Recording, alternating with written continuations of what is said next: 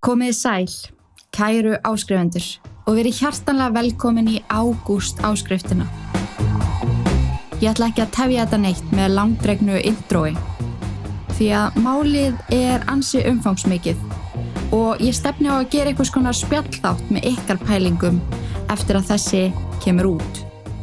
Svo ég segi bara Columbine Shooting Massacre. Gjör þið svo vel.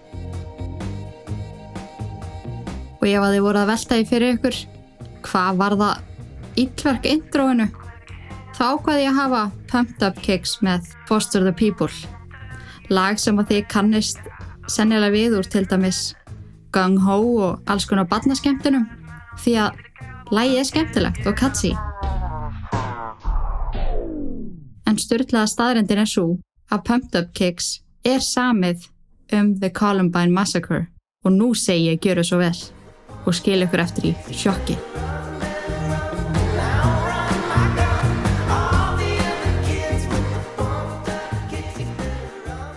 Erik David Harris var fættur þann 9. apríl árið 1981 í Wichita í Kansas. Fóreldra hans voru bæði frá Colorado. Mamma hans vann heima og pappa hans í flughernum. Vegna starfsföður hans neittist fjölskyldan til þess að flytja ansi oft sem gerði það að verkum að Erik var ansi oft rifin upp með rótum og neittist til þess að vera nýji strákurinn í skólanum, aftur og aftur. Allir sem að Erik kynntist líst honum sem ótrúlega venjulegum, rólindi strák. Þegar Erik var 11 ára fluttist fjölskyldan frá Oskada í Michigan þar sem að þau höfðu dvalið síðustu 6 ár og settust þau að í Plattsburgh í New York. Erik var virkilega gladur á þessum stað, enda orðið nægilega þroskaður til þess að mynda sterk vinatengsl. Hann trúði því að þarna myndan dvelja með fjölskyldunni í langan tíma og leiði sér að opna sig. Hann leiði sér að koma sér þægilega fyrir. Það var því ansi mikill skellur þegar fóreldra hans tilkynnti honum að þau ætlaði að flytja aftur til Colorado, aðeins ári eftir að þau settu staði í Plattsburgh. Þessar flutningar reyndust honum virkilega erfiðar og fundu fóreldra hans mikla breytingu á honum. Erik sem hafði alltaf knúsað svo mikið og notið þess að vera í fangi mömmu sinnar, varð fjarlægur og stundum þurra á mannin. Fóreldra hans hafðu áhugir á honum en hugsuðu með sér að nú er hann að fullordnast. Úlingsári nálguðust og þeim fylgdi bæði líkamleg og andleg breyting. Þau ætluðu því að býða og sjá og gefa sinni sínum sveigurum til þess að aðlagast breytingunum. Í ennsku tíma árið 1997 þegar Erik var nýjörðin 16 ára gamall skrifaði hann um fluttningarnar í rétgerð sem hann átt að skila. Hann skrifaði um það hversu erfitt það var að flytja frá New York til Colorado.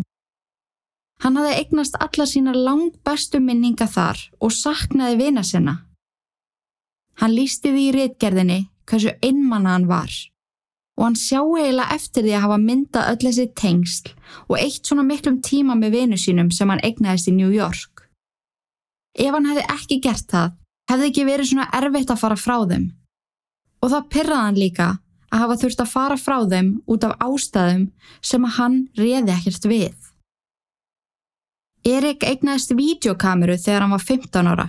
Þessi sem að hjæltum með annari hendi og flipskjár sem að opnaði síndi ramman sem að tóku upp. Hann fyrir að fylla upp í tómið sem hann fann fyrir með því að taka upp alls konar vídjó. Stundum af handahófskendum hlutum, svo sem bílum og fólki.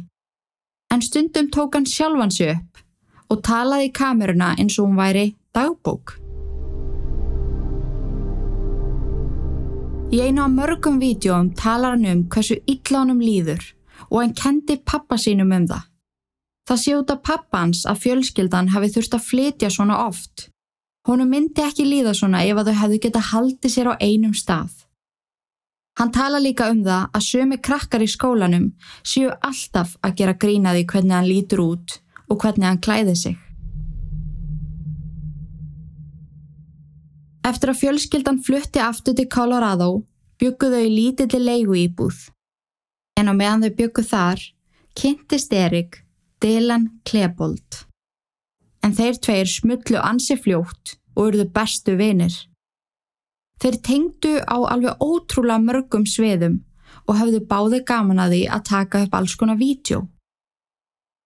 Fóreldrar Erik endur svo á því að kaupa hús rétt hjá Columbine mentaskólanum. Þau ákvöðu þá staðsendingu aðalega svo að það væri stittra fyrir Erik að fara í skólan. Þar sem að hann var að byrja fyrsta ári sitt í þeim mentaskóla eftir veturinn. Og Erik var ansið sáttur þegar Dylan sáðunum að hann væri líka að fara í þennan skóla. Erik var ansið stressaður fyrir skólanum, en var ansið fljótur að vennjast og eftir fyrstu vikuna var hann nokkuð sáttur. Skólinn hafði líka nýverið verið tekin í gegn. Það var skipt út gömlum húsgögnum og gólvefni og skólinn einnig stekkaður alveg helling. Svo hann var nútímalegri, starri og flottari. Mun meira plást til þess að hanga með vinum og slæpast á milli tíma. Erik ekki lið við fótboltalið skólans og egnaðist í kjölfarið nokkuð marga vini. Hún var líst sem mjög efnilegum fótboltakappa sem hafi greinilega mikla ástríðu fyrir sportinu. Hann og vinahópurinn sem hann var í, Dylan þar á meðal, áttaði til að ganga mjög langt þegar að koma öðrum nefendum. Það var svona svo litið If you mess with me, you mess with the rest of us, feelingur hjá þeim. Svo í nefni dæmi þá deytaði Erik stelpu sem heiti Tiffany í smá tíma. Hann bauðinni til dæmis á lokaballið fyrir sumafrí og hún þáði bóðið. Þau virtust vera ansi skotin í hvort öðru og leittust hvert sem þau fóru.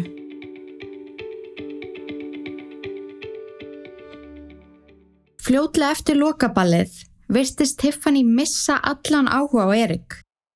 Hún hunsaðan, hætt að svara SMS-um, símtölum og tölvupósti frá honum og létt eins og hann væri ekki til. Það kemur ekki fram af hverju hún sleita þessu svona skindilega, en líklegast hefur eitthvað komið upp á milliðra sem að við fáum aldrei að vita. En Erik og vinir hans hópa sér saman og plana það að hefna sín á Tiffany. Erik króar hann af í skólanum og segir henni hversu mikið hún brauti honum hjartað. Svo þykist hann taka eigi líf, með nýf, og er búin að koma fyrir gerfiblóði inn á fötunum sínum. Hann hrinur í gólfið og kippist allir til. Emjar og gráð byður hann um að hjálpa sér. Tiffany gjör svolítið sturdlast úr hræðslu og öskra eins háttu hún mögulega getur að ykkur þurfa að ringja sjúkrabíl. Í því stendur Erik upp og vinir hans spyrtast fyrir aftanan. Þeir grænja úr hlátri og ganga í burtu frá Tiffany sem var ekki alveg að átta sig á því hvað hafði þeirra gæst. Hún sneri sér svo á hópnum sem að gekk hlæjandi í burtu og öskrað á Erik. Þú þart á sálfræði hjálpa að halda, fýblið þitt. Þótt hún hafi vissulega sagt þetta í mikilli bræði, þá hefði hann aldrei grunað hversu hárétt þetta var hjá henni. Erik hefði svo sannala þurft á sálfræði hjálpa að halda. En svona hegðun fannst þeim voðalega sniðug og var vinahópurinn alltaf eitthvað að brasa alltaf í hóp, þjætt upp við hvern annan. En svo við ræðum aðeins Stilan Klebold, besta vinn Erik. Þá var hann fættur 11. september árið 1981. Það er hansi áhugavert að mamma hans, Sue, segi frá því setna meir að um leiðu hann fættist hafði hún fundið þessa yfirgnæfandi tilfinningu. Það var eitthvað sem að sagði henni að þetta barn ætti eftir að leggja á hana og aðra mikla erfileika. Og sama hvað hún reyndi þá náði hún ekki að hrista þessa tilfinningu af sér. Þegar Dylan var nokkra mánaða gamall, greindist hann með sjálfgefan sjúkdóm. Hann átti rosalega erfitt með að láta eitthvað ofan í sig, kastaði mikið upp og greitt stanslöst undan verka í maganum. Það kom svo í ljós að opið frá maganum ofan í smáþarma var alveg gríðala bólkið sem að veldur einmitt miklu magavandamálum og uppkostum. Þegar hann fekk greininguna hugsaði svo með sér. Þetta er öruglega tilfinningin sem hún fann fyrir. Móðuræðlið var að reyna að segja henni að svonur henni væri veikur. Það væru erfileikarnir og harmleikurinn sem hún fann alltaf. Í dag þá veit hún að það var svo sannlega ekki raunin. Þessi sjúkdómur var smáræði miða við erfileikana og harmleikin sem hann átti eftir að kalla yfir alla um úlingsaldur. Fóreldradelan unnu bæði mjög mikið. Fadur hans var verkfræðingur og mamma hans vann með hreyfi hömluðum börnum. Þau voru lúþarstrúað fólk sem á sótti reglulega kirkju og ólaða upp snemma í Dylan og eldri bróðarnas Byron. Dylan var í Governors Ranns grunnskólanum en þar var hann á braut fyrir sérstaklega gáfaða og hæfileikaríka krakka. Hann var alveg einstaklega feimin og hlétrægur en alveg ótrúlega klár og þegar tala var við hann svaraði hann með mikillig kurtesi. Hann átti nokkra góða vini í skólanum og leið almennt freka vel. En eftir að fóldra hans fluttu og deila nettist til þess að skipta um skóla, breyttist hegðun hans til muna. Fóldra hans hugsuði með sér að þetta væri nú eðlilegt. Það er alltaf erfitt að breytum umhverfi. En voru vissum að hann myndi aðlaða sér fljótt að nýjum aðstæðum. Dylan tók þátt í fókbolta, hafnabolta, skátafélaginu og var ansi uppteki barn og gerði fátt annað en að sinna þessum íþróttum. Fóraldra hans töldu því að nú væri alltaf batna. Hann var í komin inn í félagslífið og bráðu myndan elska hennan skóla jafn mikið og hinn. En í rauninni var hann að fela tilfinninga sínar með því að halda sér sífælt uppteknum. Hann saknaði vina sinna mjög sárt og hann í raun tók ekki gleði sína á ný fyrir hann kynntist verðandi besta vini sínum, Erik Harris. Það er ekki mikið til af upplýsingum um vináttu þeirra en það fóruður mjög lengt með mikið af hlutun sem að þeir rættu og gerðu. Þeir voru þekktir fyrir að vera alltaf saman, algjörlega óaðskiljanleir eins og sumi segja. Þeir fóru reglulega saman í keilu Eftir að þeir fengu bílpróf rúnduðu þeir mikið og hlustu á tónlist, spiluðu tölvuleikin Doom en í þeim leik eru spilarar gamehermaður sem heitir Doomguy og hann þarf að berjast í gegnum djöbla sem að koma frá helviti. En Doom er talin vera eitt besti tölvuleikur sem hefur nokkuð tíma verið gerður og var alveg gríðala vinsæl um allan heim. Þeir gerðu líka mikið af vídjóm saman þar sem að þeir byggu til hinnar ímsu leiksenur. Í mörgum af vítjónum voru þeir með skotvopn og sprengjur og leku einstaklinga sem þurfti að fara í gegnum heimili og leita upp í óþokka. Þóttu varu oft með öðrum strákum í vítjóum og rúndunum voru þeir mest megnist tveir. Þeir sátu yfirleitt tveir saman í matsalnum í Columbine og þeim leið greinilega best þannig. Á ákunnum tímapunkti komu upp þær sögursagnir að Dylan og Erik væru par. Eitthvað sem að fólk álíktaði því að þeir voru svo rosalega mikið saman. En þessar sögursagnir voru ekki sannar og þeir sem að þekktu þá best gáttu borið vittni um það. Samband er að var meira eins og bræðrasamband, þar sem að Dylan var eldri bróðurinn, en Erik treysti ótrúlega mikið á Erik sem að var mun hæfari félagslega og átti auðveldra með að eignast vini og eiga samskipti við fólk. Þráttur það að Dylan virtist vera mikil félagsvera en hann tók það til dæmis að sér að vera hljóðmaður í leikritum skólans, átti marga vini og fólki líkaði almennt vel við hann, þá leiðanum verulega illa. En í dagbókina sína sem hann skrifaði stundum í þegar hann vissi ekki hvað hann átt að gera við tilfinningar sínar, mátti sjá setningar eins og Mér líður eins og enginn elski mig. Mér líður eins og öllum finnist í ljótur og asnalegur. En mamma hans trúir og segir setna meir að reyðin sem að stegmagnaðist innra með honum átti uppbruna sinn þarna, í virkilega brotni sjálfsmynd og skadlegum hugsunum. Bæði Erik og Dylan unnu á Blackjack Pizza, veitingastæður stutt frá Columbine skólanum.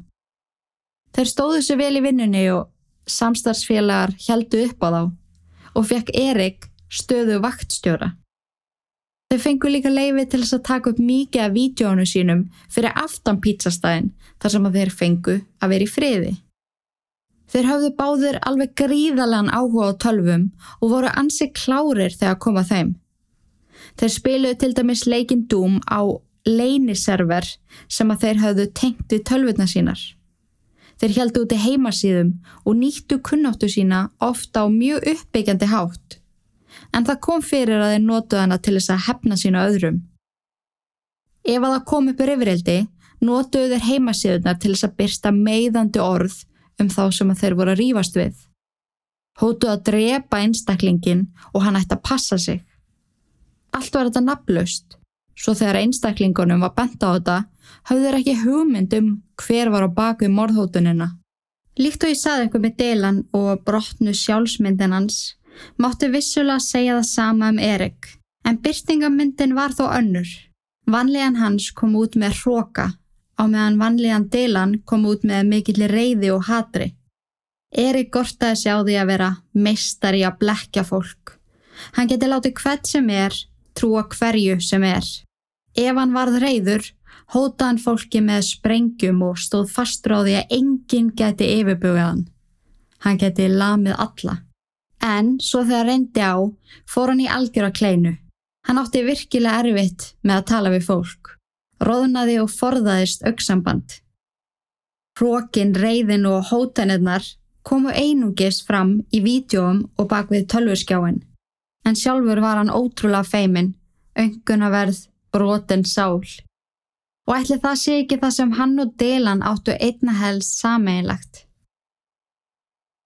Erik var einstaklega hittlaður af Hitler, heimstyrjöldunum og stríði yfir höfuð.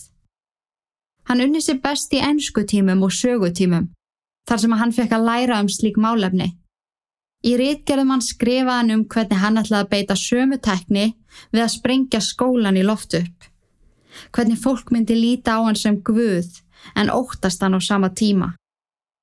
Hann skrifaði rítgerðina út frá sjónarhortni ákveðins karakters, svo að kennararnir höfðu ekki miklar ágjur af þessu og fekk hann yfirlegt ágætis enganir fyrir þessar svaðalegu rítgerði sínar. Ef að kennarar bara vissu að þessi karakter var hann sjálfur að tala út úr eigin hjarta og lýsaði konu langaði í raun og veru að gera. Kanski hefði verið hægt að grýpa inn í en það var auðvitað ómögulegt fyrir kennara að vita, þar sem að hann kom út sem þessi rólindis piltur yfir leitt. En eins og ég kom inn á áðan var Dylan partur af leiklistahóp skólans, en þar fór hann með starf hljóðmanns.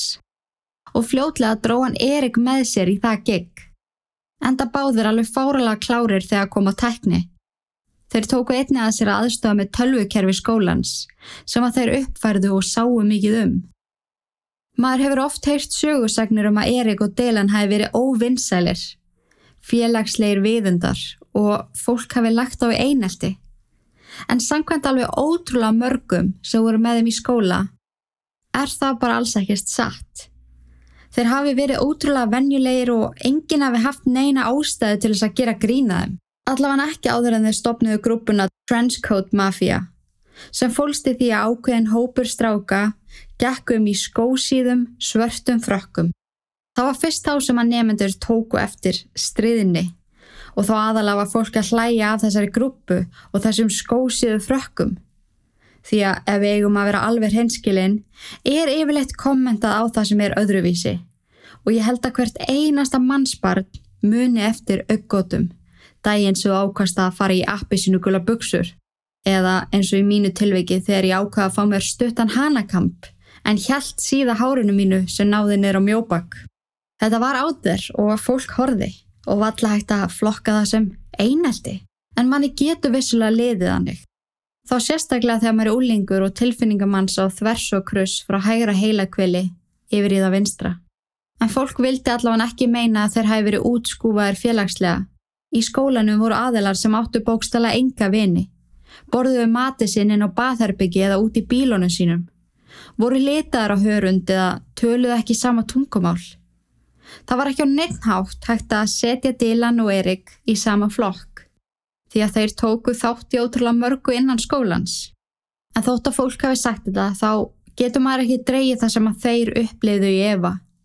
En í dagbókum þeirra begja kom fram alveg gríðalega mikil vanlíðan. En það sem að mér þótt alveg ótrúlega merkilegt og langar að koma eins meira inn á er tölvukunnátt að þeirra. Sorry, mér finnst bara alveg magna að þeir hafi verið svona mikið í tölvinni og kunnað svona mikið á þær. Því eins og ég hef sagt eitthvað frá þá sá ég tölvu fyrst þegar ég var 12 ára og ég fætt 1993. Að það skuli hafa verið fungerandi internet tengda tölfur árið 1998 er bara mjög mikið sjokk fyrir mig persónulega. Þannig að mér langar að ræða þetta eins meira. En þeir, þá aðalega Erik, bjóð til borð fyrir tölvuleikin Doom og voru þau borðkölluð Harry's Levels. Það var að hlaða niður borðunum hans í gegnum þennan leiniserver sem að þeir settu upp og kölluðu þeir möppuna sem að spilarar gáttu náði REB sem er stytting á Rebel. Setna fóru þeir einnig að spila leikin Queek en í báðum leikum gáttu þeir komið fram undir fölsku nafni en Erik kallaði sig Reb Doomer og Dylan kallaði sig Vodka. Í spjalli inn á leikjunum töluðu þeir um ákveðna krakka í skólanum þá sérstaklega vinsælustrákana sem að þóttus geta náði alla stelpunar, klætt sér í flottustu föttin og fengið allt sem þeir vildu. Þeir dreifðu hatrinn á sem spjallborðum, sögust vilja að drepa og hótuðu því að sprengja upp þessa aðila. En á þessum tímapunkti voru þeir fartir að fykta við að búa til pípusprengjur eða pipe bombs. Þeir tóku vídeo af sprengjónum springa sem að hefnuðus misvel og deltu svo vídjónum með fylgjendu sínum á Doom, Queek og heimasíðinu sem að þeir heldu út. 30. janúar árið 1998 brutust vinirnir inn í læstan sendiferðabíl sem var fullur af alls konar tölvum og hugbúnaði. Það sá greinilega ykkur til þeirra því að lauruglan rétt greipið á þegar þeir voru að keira í burstu. Erik brotnaði saman og viðukendi að þeir hefðu gert þetta sem var nú frekar augljóst þar sem að aftursæti bílsins var stút fullt af tölvubúnaði. Þeir voru báðir ákjærðir fyrir þjófnað og þurftu að setja í nokkra daga í úlingafangilsi. Fangaverðum þóttuður vera fyrirmynda drengir, kurteisir og skemmtilegir. Vegna framúrskarandi hegðunar í fangilsinu var þeim bóðið sá dýll að stöldrinum erði eitt af sakaskranaðera ef að þeir samþyktu að sinna samfélagstjónustu, hitta sálfræðing og fara á reyði stjórnuna námskeið. Þeir samþyktu það og komu öllum verulega óvart. Erik var alveg sérstaklega hampað og var hann líst sem ótrúlega gáðum einstakling sem var líkluður til þess að ná miklum árangri í lífinu. Það var líka að tala vel um Dylan sem að var talin einstaklega klár en hann myndur á það að það fylgdi því vinna að elda drauma sína en það sást ansi greinilega að Erik vann yfirlegt vinnuna á meðan Dylan let sér dreyma eða leðbendi honum sem að með þykir ansi áhugaverðu punktur. Þann 30. apríl 1998 skrifaði Erik afsökunabref til eiganda tölvubúnaðsins sem að hann og Dylan stálu af en í brefinu líst hann yfir hversu mikið hann sá eftir þessu og hann hafi lært mikið og lofi að gera þetta aldrei aftur en í dagbókafæslu sinni, tímasett sama dag, skrifar hann hins vegar. Á Amerika ekki að vera landina frjálsu. Tölvurnar voru í framsveitinu á helviti sendiferðabillum. Mátti ekki taka þér af þessum halvvita sem að skildi þetta eftir út á miðri helviti skötu á helvitis förstutaskvöldi. Þetta er frekar einfalt. Það ætti að skjóta hann hann halvvita. En þetta svona sínir okkur hvernig fólk sá hann og hvernig hann var svo í raun og veru. En það var svo kannski bara rétt hjá hann að hann var meistar í því að manipulata fólk. Í desember áriði 1998 byrjuðu Erik og Dylan að vinna í verkefni tengt skólanum. Verkefnið kölluðu þeir Hitmen for Hire. Verkefni var í videoformi og í því öskruður meinirði, gengu um ganga Columbine, réðust á skutu nefnda skólans í þykjustunni. Verkefni fekk ágætis engun og skrifaði kennarin umsögnina. Áhugaverð nálgun og áhugaverð útfærsla á skuggalega handreiti. Flott smáadriði og þið náum manni alveg með í mútið. Þetta er virkilega óhugnalegt, þá sérstaklega þegar maður veit hvað ofta eftir að gerast.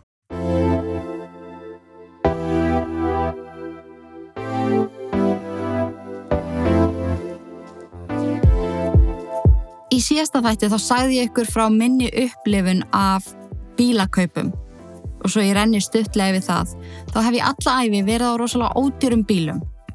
Ég hef lengt í alls konar skjálfilegum uppakomum sem að hljóða upp á mörg hundru þúsund. Ég er að segja ykkur það. Ef að pappi heitin hefði ekki verið svona lungin við bílaviðgerðir, var ég enþá að borga smálánum. Ég hef lendið í að húttið á bílum mínum fauk upp á framrúðuna á leðinni heim úr skólanum og mölvaði rúðuna. Ég hef lendið í að framdekkið bókstala brotnaði undan bílnum og ég hef kert först í öðrum gýr niður kampana. Og ég luma á mun fleiri sögum sem ég skal deila með ykkur einn daginn. En þegar ég fekk kjörsalega að nóga þessu þá kynnti ég mér langtímalegu. Gerði reikningin og komst að þeirri niðurstöðu að það væri hagstaðast fyrir mig á þessum tímapunkti. Og því fylgdi líka mikið öryggi. Ég var á glænjum bíl, ég var á góðum dekkjum, alla viðgerðir og viðhald eru inn í fasta verðinu sem ég borga á mánuði og ég losnaði þannig úr þessum eilífa vítaring. En það er mín hlið. Ég veit líka að marga sem eiga vel efna á að kaupa sér nýjan bíl en kjósa að fara þessa leið. Því þeim einfallega langar að eigða peningunum sínum í eitthvað annað heldur en bíl og bílalán. Sixt langtímalega býður upp á mikið úrval af bílum. Ramagsbíla, hybridbíla, bensínbíla, jappa, smábíla, sendiferðarbíla. Þú velur bara. Það er einni reglulega bætt við nýjum bílum í úrvalið. Og tjöfellar í skotin í Lexus UX300e Premium, hann er ekkert eðlilega flottur. Það eru engar afborganir af láni, engin útborgun við kaup, þjónustuskoðanir og smurþjónustæðir innifalinn, dekkjaskipti eru innifalinn, almennt viðhaldur innifallið, byrjaðgöldur innifalinn, ábyrðatrygging innifalinn og kaskotrygging líka. Það eina sem þú þarfst að gera er að velja þig bíl við þitt hæfi og borga svo fast gæld á mánuði og auðvitað sjá um að annarkort hlaða bílinn eða setja á hann bensín. En ég gerði löfléttareikning, bara svona í gamni til að sína ykkur. En bílalán fyrir bíl sem að kosta fjóra miljónir hljóður upp á rúmlega 60.000 á mánuði að þú greiður út miljón og tekur svo bílalán fyrir restinni. Þegar þú tálnaði með að greiða bílnum hefur hann líklega slækkaði verði. Plús það þá eru bílalán heldur óhagstæð. En með 6 þá getur þú verið með tveggjara samning og fengið svo bara glæniðan bíl að þeim tíma leðnum. Engi skuld og ekki tap því að þú ert að brasa með bílinn til að geta svo seltan. Þetta er drullu hagkvæmt og ég hveti ykkur til að skoða þetta. Ég hef allavega virkilega góða reynslu af slíkri þjónustu. Ég get líka bóða ykkur ansið skemmtilegan kóða sem að þið getur notað þegar þið gangi frá leigusamning. En með kóðanum Ítverk þá fáið þið auka 250 km á mánuði ykkur að kostnaða lausu.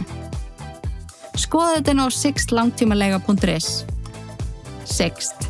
Langtímalega á hagkvæmum kjörum. Takk og bless.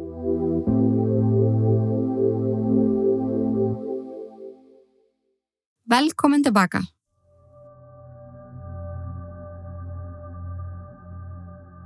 Það er 20. apríl 1999. Aðeins nokkra vikur í útskrift eldstu nefnandaskólans, þar á meðal Delans og Eriks.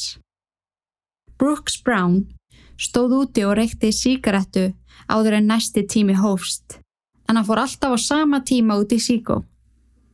Hann sér Erik leggja bylnum sínum rétt hjá honum. Brooks vissi að Erik hafi skrópaði tíma og hann hafi tekið sérstaklega eftir því því að það var mjög ólíkt Erik sem hann mætti alltaf. Hann gekki áttina til hans og ætlaði sér að skamman fyrir skrópið svona í gríni, en samt með smá alvöru. Erik og Brooks voru nýbúinir að sættast, en í langan tíma voru þeir óvinnir eftir að Brooks kastaði ís í bílinans Erik.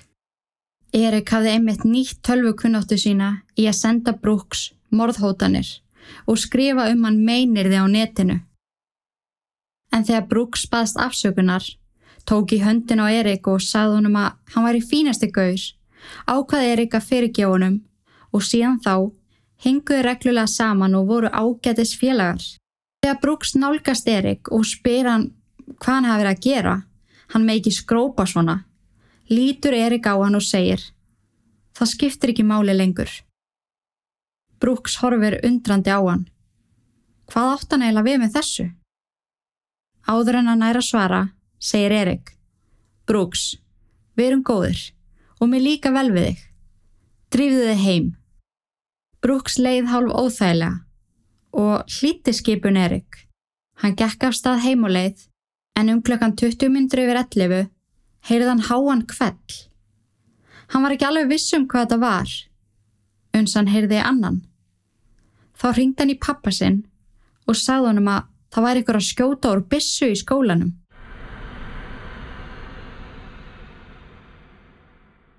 Um það leiti sem að Brooks ringdi í pappa sinn, lagði Dylan fyrir utan skólan og gekk rasklega inn.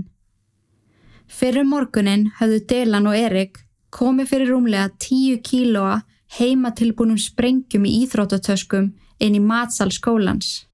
Sprengjunar átt að springa klukkan 17 minnur yfir 11 þegar flestir voru í matsalunum. Plan þeirra hljómaði svona. Sprengjunar átt að springa og drepa eins marga og mögulegt var. Þeir ætluðu svo að skjóta og stinga þá sem að lifðu af eða náða að hlaupa í burstu. Þeir voru með tvær skambissur, tvær 9mm bissur og 99 heima tilbúnar sprengjur. Þar á meðal voru þessar 10 kílóa sprengjur sem að þeir höfðu komið fyrir í matsalnum og tvær tímasprengjur í viðbót sem að þeir höfðu komið fyrir í bílónu sínum. En þeir ætlu að sprengja sjálfa sig í loftu þegar verkinu væri lokið.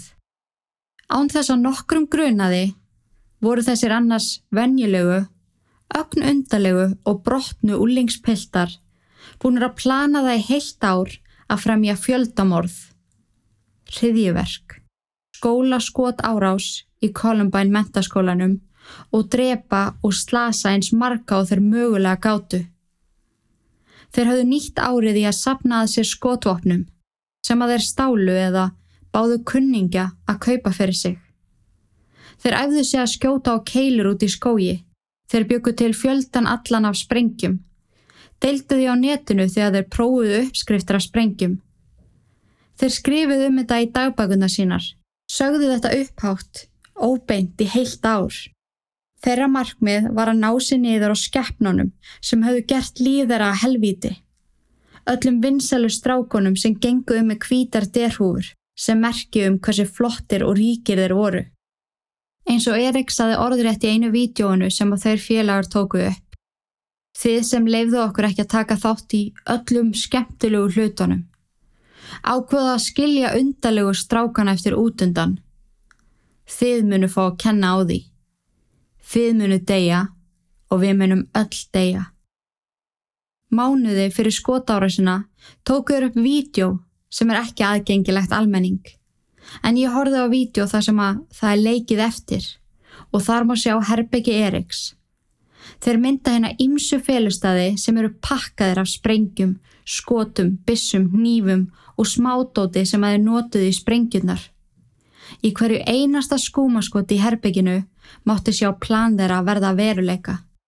This will be the most nerve-wracking 15 minutes of my life, but when the bombs will explode, minutes will feel like hours.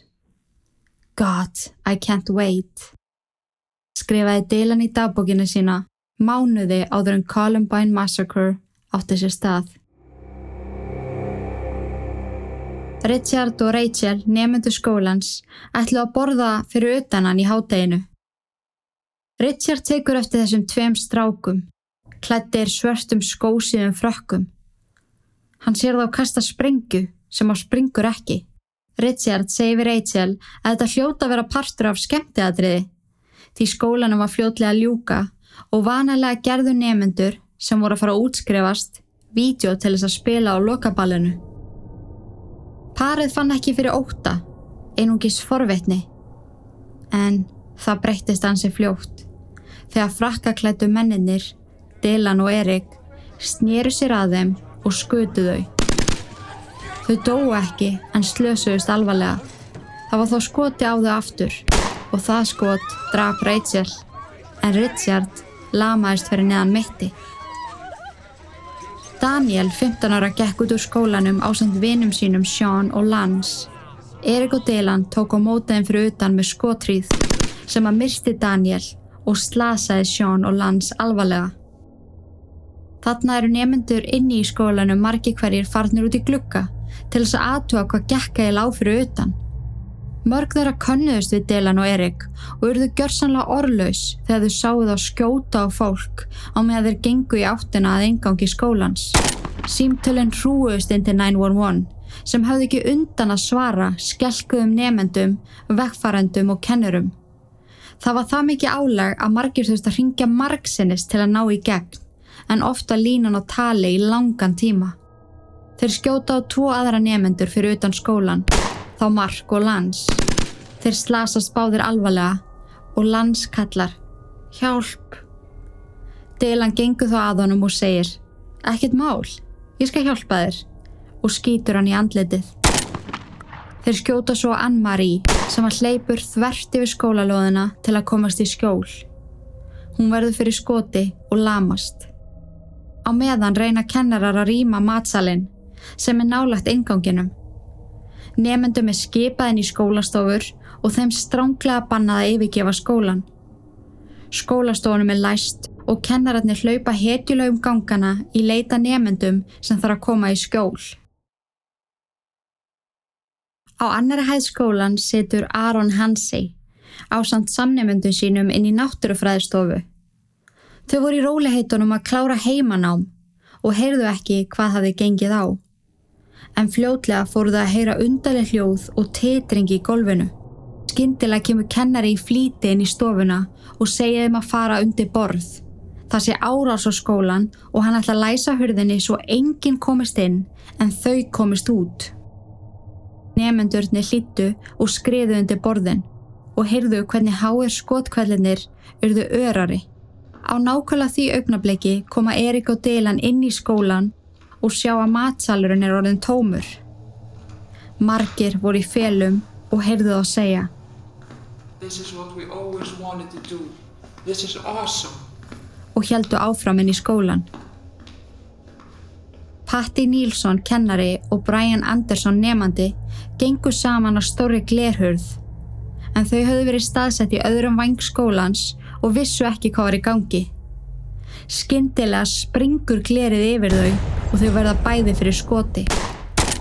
Þau hlaupa undan og koma sér hann á bókasap skólans þar sem Patti ringir á neyðalínuna. Á meðan öskrar hún á alla krakkana að fara undir borðin og fela sig. Það sé skotára á sig gangi.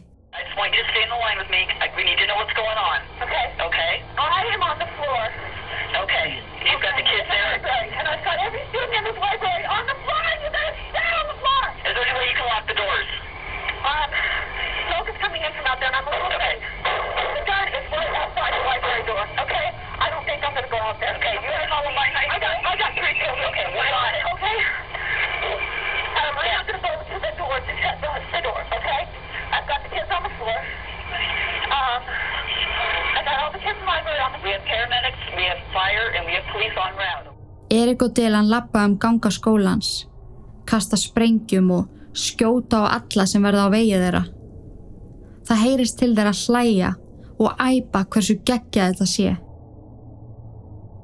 Dave Sanders kennari sem hafi þarna verið að hlaupum síðustu þrjár mínútur að reyna að rýma gangana hleypu bent í fangið á Dylan sem að skýtur hann í aukslina. Hann liggur í sárum sínum í næstu í þrjá klukkutíma áður en ykkur kemur hann undir bjargar en hann deyr áður en hann kemst á sjúgrós. Það er honum að þakka hversu ótrúlega margir lifðu af en maður getur rétt ímynda sér hversu mikill hryllingur það var að hlaupa um gangana og eiga í þeirri hættu að lenda í því sem að hann lendi svo í. Klukkan 11.27, tíu mínútum eftir að skota ára sinn hófst, höfðu þeir nú þegar myrt fimm einstaklinga, en þeir voru hvergi nær hættir. Á þessum tímabúndi var laurugla mætt á svæðið og yfir þúsund laurugluþjónar voru kallaður út. En enginn þeirra fyrir inn í skólan til þess að stoppa Dylan og Erik.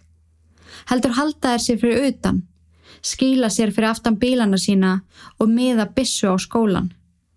Á meðan mátti heyra nefnanda vera myrsta. Það mátti sjá nefndu kasta sér út um glukkana og aðrir lágu í sárum sínum nær dauðaðan lífi. Samt fóru þeir ekki inn, sem átti setna meir eftir að vera harlega gaggrínt. Nú voru Dylan og Erik komnir inn á bókasafnið, þar sem fjöldin allir á nefendum ásand Patti í kennara, sem var með 911 starfsmenn í símanum, földu sig undir borðunum. Erik og Dylan öskraði við bókasafnið að allir eigi að standa upp. Svo breytaði þeir og segja, allir sem eru með kvítar derhúur standið upp en eins og við fórum yfir áðan var það nokkus konar enkennisbúningur vinsælustrákana í skólanum sem hafði að sög Dylan og Erik gert líf þeirra að helviti. Þeir öskruðu, við ætlum að sprengja upp þetta bókasap. Við ætlum að láta ykkur með kvítar húfur kenna á því. Þið munum sjá eftir því að hafa eigðilagt líf okkar síðustu fjögur ár. Þegar enginn stendur upp, öskra þeir að þeir ætli samt að byrja að skjóta. Þeir drita skotum yfir bókasafnið, ganga svo að auðuborði, leggja frá sér vopnin og hlaða þau í róliheitunum. Þeir sem að konnuðust við á einn á bókasafninu horðu gapandi og döðhrættir á þessa venjulegu stráka fylla á skopvopnin sín eins og ekkert væri eðlilegra. Svo segir Dylan, let's shoot some cops. Þeir ganga þá stórum glukka og skjóta í gegnum þá. Erik gengur að stelpu sem að faldi sig undir borðinu og segi við hana Quit your bitching og gengur svo í burtu frá henni án þess að gera henni megin. Hann snýr sér svo að henni aftur og segir Bigaboo áður en hann skýtur hana í andletið. Það heyrist svo í þeim segja henn á bókasafninu We got over here. Þeir draga hinn átjónara gamla Isaiah og skjóta hann í andletið sem er svo mikil þversögn við allt sem að þeir höfðu sagt. Þeir töluðu stanslöst um minni hlutahópa, hvernig vinsælustrákanir lögðu í einelti, hvernig þeir, skrítnustrákanir, fengu aldrei að vera með. Samt kölluðu þeir strák og skutan. Það að þetta sé hemmt finnst mér fara út um gluggan með þessu. Þetta er eitthvað miklu meira en hemmt. Þetta voru tveir gjörsanlega raunveruleika fyrstir ótrúlega skemdir og lasnistrákar að ímynda sér að þeir væru í byssuleik. Þeir skjóta handáskent á nefnendur og eftir aðeins eina og holfa mínútun á bókasafninu voru þeir búin að myrða fjóra og slasa átta. Þeir kasta svo sprengju inn á bókasafninu sem að springur eftir nokkra sekundur. Þeir öskra svo. Þessi skóli er fokking dauður. Svo halda þeir áfram að dreta yfir nefnendurnar drepa tvo til viðbótar og særa fleiri. Dylan sérstaklega átti samræði við fórnulömpin sín áður en hann skaut á þau, spurði þau spurninga og spjallaði og svo algjörlega tilfinningalauðs skaut hann á þau. Þeir rákust svo inn á bókasafninu á félagasinn John Savage sem að spurði þá hvað þeir væri eiginlega að gera. Dylan svarar honum Æ, þú veist, bara að drepa fólk. Hann spyr svo, ætlið að drepa mig? Dylan segi þá, nei maður, farðu og hleypur honum í burtu frá bókasafninu. John hleypur eins hratt og hann mögulega getur út úr skólanum. En þá var lauruglan ekki farin inn í skólan. Þeir byðu ennþá fyrir utan. Bílastæði var fullt af sjúkrabílum sem að tóku hvert fórnalambið upp í bílafætur öðru. Sumi dánir aðrir illa slasaðir. Fóreldra voru einni mættir og stóðu grátandi fyrir utan skólan í vonum að þau sæju badni sitt. Reynda að ringja í þau. Reynda að fá lauruglu til þess að fara inn í skólan. Það þurfti hreinlega að fara aðni inn og skjóta þá, annars myndu þeir ekki stoppa. En annar hálftími leið og Delan og Erik gengur frjálsir um og gerðu það upp við sig hvert er eftir að byrja að stinga fólk í stæðin fyrir að skjóta það tólnefendu voru dánir og einn kennari nær dauða en lífi. hundruður nefnda í felum. Dylan og Erik ráfa um ganga skólans. Þeir skutu í skápa og gler og ljós og um klukkan 11.44 sjást þeir í myndavélunum í matsalnum. Erik skýtur í sprengjuna sem að þeir hafðu komið fyrir um morgunin í vonum á myndi springa. Margir telja að þetta hefði verið þeirra fyrsta sjálfsvíks tilraun þennan daginn. En í dagbókum þeirra má sjá að plani var alltaf að drepa sjálfan sig eftir að hafa framið fjöldamorði í skólanum. Og plan þeirra hafði lengi vel verið að fremja sjálfsvík, þá sérstaklega hjá Erik, sem hafði sex vikum áður farið á þunglindislifi Sólof, en hætt á því út að hann fekk svo slemar aukaverkanir. Hann upplifði þrálátar hugsanir um að drepa sjálfa sig aðra á meðan hann var á lefjónum. Hann deildi þessu með lækninum sem að skrifa upp á lefin og það eina sem hann fekk voru önnur lef til þess að prófa. Ekki sálfræðaðstóð, ekki viðtal við geðlækni, bara önnur lef og svo var hann sendur heim. Í krupningu Erik fannst nýja lefið. Svo spurningin var, voru það lefin sem að íttu undir langvarandi geðræn engin Eriks? En það segir okkur hellingu um hvernig Erik var að þegar pappans heyrði af Columbine skotárusinni gruna hann um strax að sonur hans væri á verki og ringdi á neyðalínuna og tilkynnti það. Erik og Dylan gengu aftur á bókasafninu nokkru mínútum áður en sérsveitin hjælt á staðin í skólan. Þrjár mínútur yfir tólf rignir skotríð út um glugga bókasafsins en svo skindilega stoppar hún. Klukkan 8 mínútur yfir 12 heyrast tvö skotljóð til viðbótar. Erik og Dylan hefðu skotið sér í höfuðið og láguð dánir þjættu við hvern annan. Þeir hefðu fram með eitt hræðilegasta fjöldamorð í sögu bandarækjana. 13 voru látnir, 15 með þeim meðtöldum.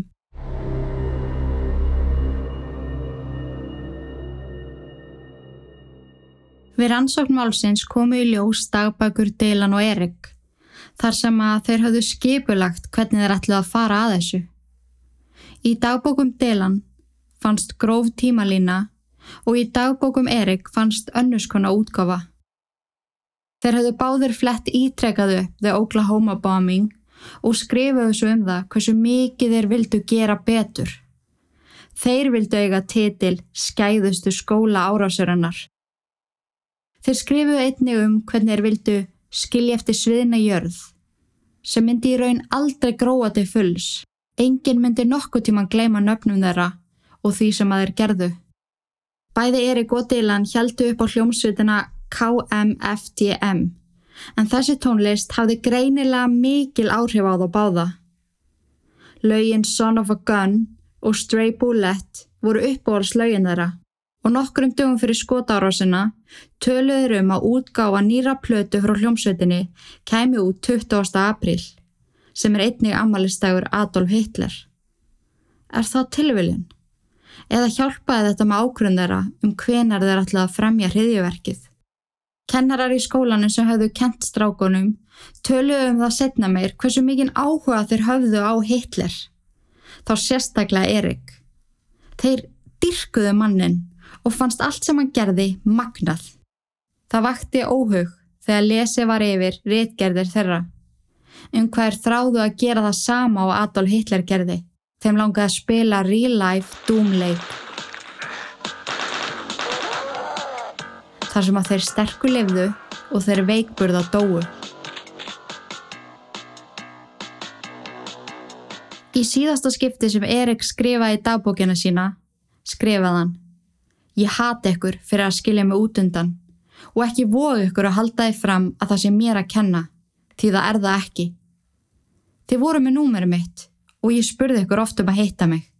En nei, við skulum ekki leifa skrítna Erik að vera með. Dylan segir svo í einni vídeoupptöku. Þið hefði komið fram við mig eins og skít í mörg ár. Þið munu fá að fokking borga fyrir það og mér er drullu sama því að ég mun deyja við að hefna mín á ykkur.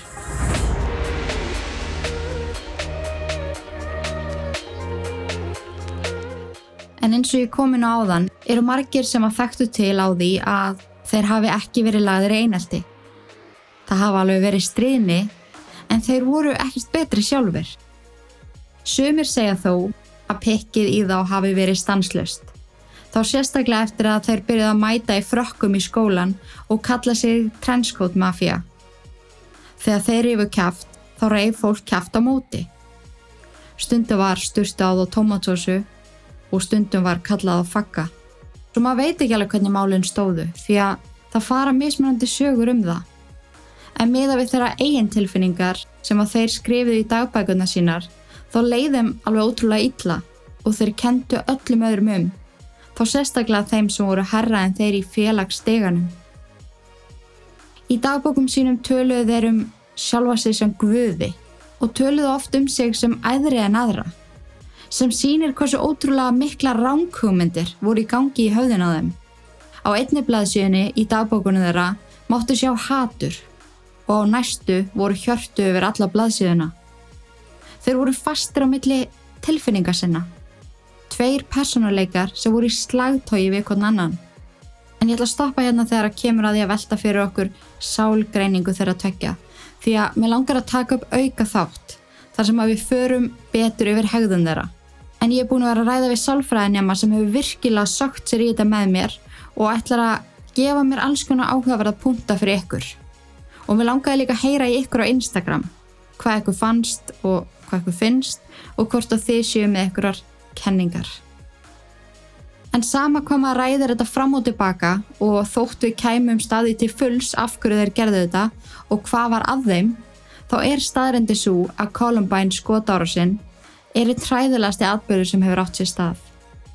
13 mistu lífið, tauir einstaklinga slösuðust alvarlega og sumir varanlega Það eru svo ótrúlega margir sem vakna enþá með marstræðir og endur upplifa þennan hræðilega dag aftur og aftur.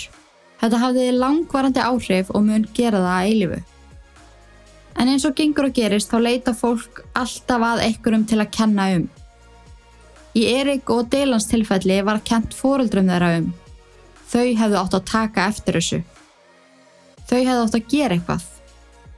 Haturinn sem þau upplifðu var gríðalegur og þeim fannst þau ekki geta syrt sinni sína því að þeim fannst þau ekki eiga rétt á því. Þeir eru morðingjar, skrýmsli, ógeðslegi menn sem voru betri döður en levandi. En þeir voru samt börnin þeirra sem að þau kentu að ganga og tala. Maður getur ekki ímynda sér hversu ótrúlega erfitt þetta er fyrir þau og það er líka gott að taka það fram að þetta er einhverjum að kenna en það var klárlega að bröðast þeim á mörgum sviðum. En mér langaði að enda þáttinn á TED Talk sem að mamma hans Dylan hjælt, Susan Klebold. Það stingur í hjarta að hlusta á hann að ræða um són sinn, annan morðingjan í Columbine málinu. En það sem hún segir er mjög áhugavert og ég mæli mig að þið hlustið. Ef það nefnið ekki þá getið þið bara hlusta sætna og við heyrumst þá betur í svona smá bónustætti um þetta mál. En þángar til þá segir ég bara takk fyrir að hlusta og takk fyrir að vera til. Takk kærlega fyrir að vera í áskrift og í guðanabænum forðust öll ílverk nema þetta podcast.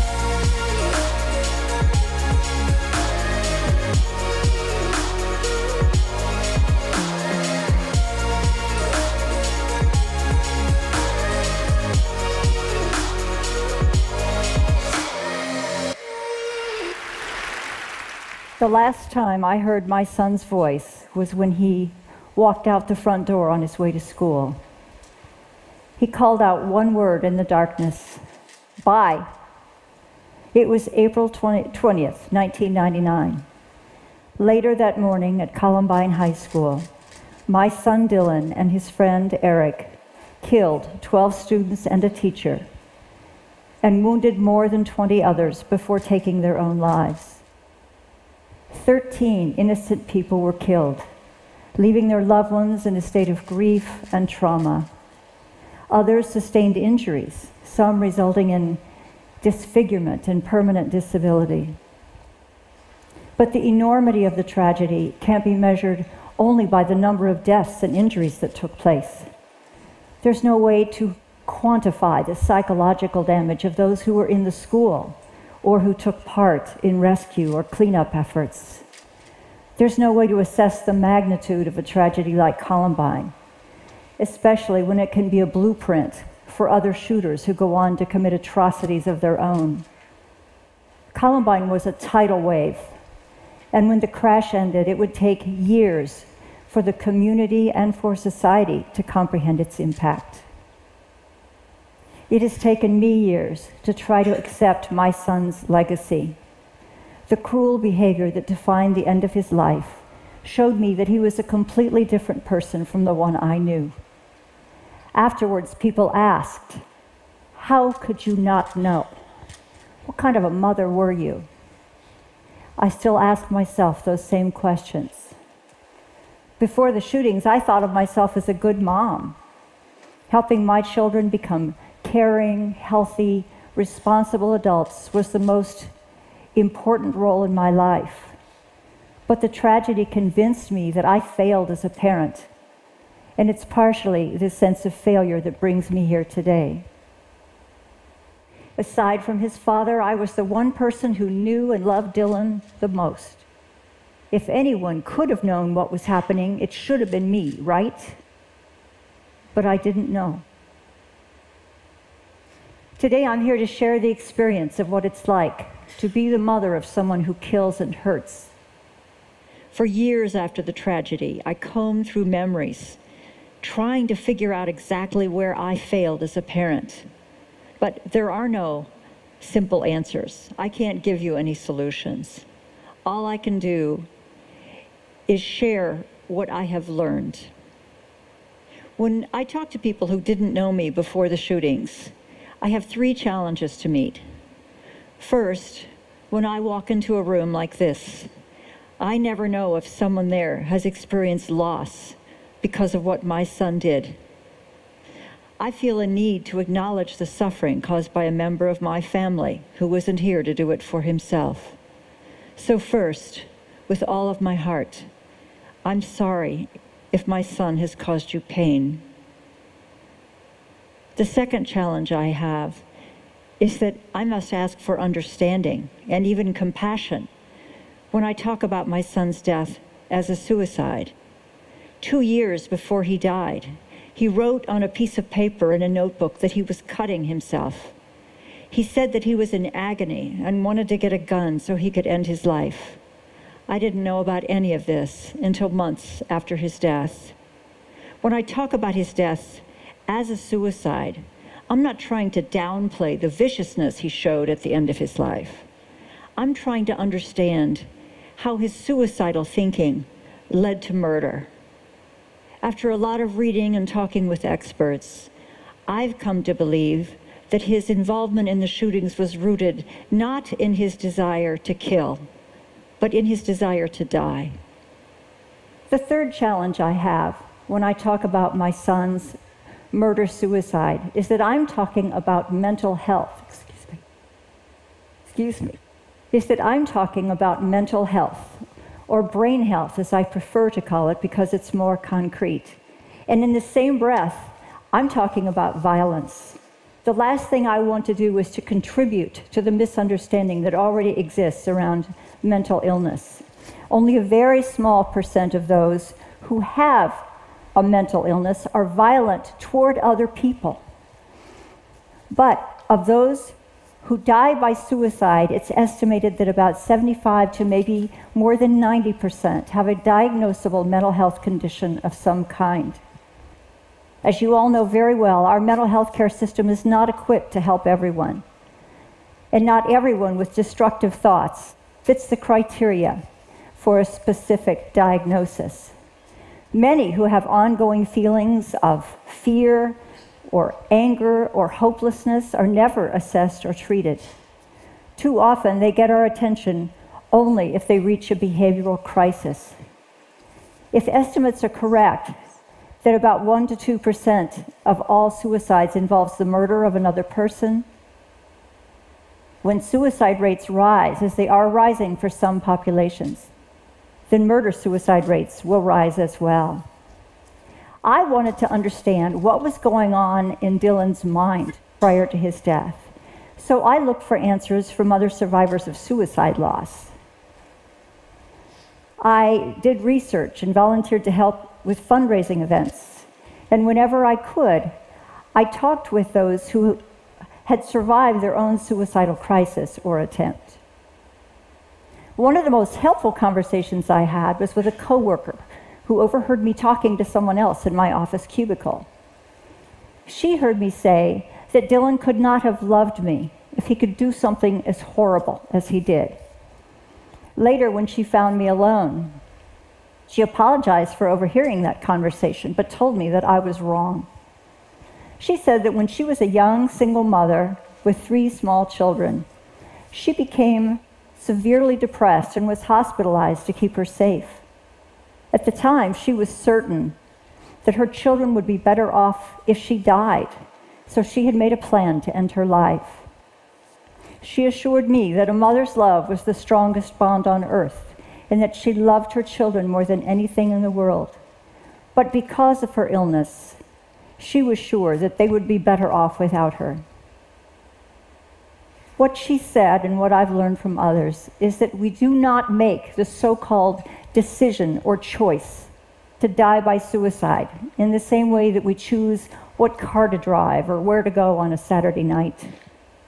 When someone is in an extremely suicidal state, they are in a stage four medical health emergency. Their thinking is impaired and they've lost access to tools of self governance. Even though they can make a plan and act with logic, their sense of truth is distorted by a filter of pain through which they interpret their reality. Some people can be very good at hiding this state and they often have good reasons for doing that. Many of us have suicidal thoughts at some point, but persistent, ongoing thoughts of suicide and devising a means to die are symptoms of pathology. And like many illnesses, the condition has to be recognized and treated before a life is lost. But my son's death was not purely a suicide, it involved mass murder. I wanted to know how his suicidal thinking became homicidal. But research is sparse and there are no simple answers. Yes, he probably had ongoing depression. He had a personality that was perfectionistic and self reliant, and that made him less likely to seek help from others. He had experienced triggering events at the school that left him feeling debased and humiliated and mad. And he had a complicated friendship with a boy who shared his feelings of rage and alienation and who was seriously disturbed, controlling, and homicidal. And on top of this period in his life of extreme vulnerability and fragility, Dylan found access to guns even though we'd never owned any in our home. It was appallingly easy for a 17 year old boy to buy guns, both legally and illegally, without my permission or knowledge. And somehow, 17 years and many school shootings later, it's still appallingly easy. What Dylan did that day broke my heart. And as trauma so often does, it took a toll on my body and on my mind. Two years after the shootings, I got breast cancer. And two years after that, I began to have mental health problems. On top of the constant, perpetual grief, I was terrified that I would run into a family member of someone Dylan had killed, or be accosted by the press, or by an angry citizen. I was afraid to turn on the news, afraid to hear myself being called a terrible parent or a disgusting person. I started having panic attacks. The first bout started four years after the shootings, when I was getting ready for the depositions and would have to meet the victims' families face to face. The second round started six years after the shootings, when I was preparing to speak publicly about murder suicide for the first time at a conference. Both episodes lasted several weeks. The attacks happened everywhere in the hardware store, in my office, or even while reading a book in bed. My mind would suddenly lock into this spinning cycle of terror, and no matter how hard I tried to calm myself down or reason my way out of it, I couldn't do it. It felt as if my brain was trying to kill me. And then being afraid of being afraid consumed all of my thoughts. That's when I learned firsthand what it feels like to have a malfunctioning mind. And that's when I truly became a brain health advocate. With therapy and medication and self care, life eventually returned to whatever could be thought of as normal under the circumstances. When I look back on all that had happened, I could see that my son's spiral into dysfunction probably occurred over a period of about two years. Plenty of time to get him help. If only someone had known that he needed help and known what to do.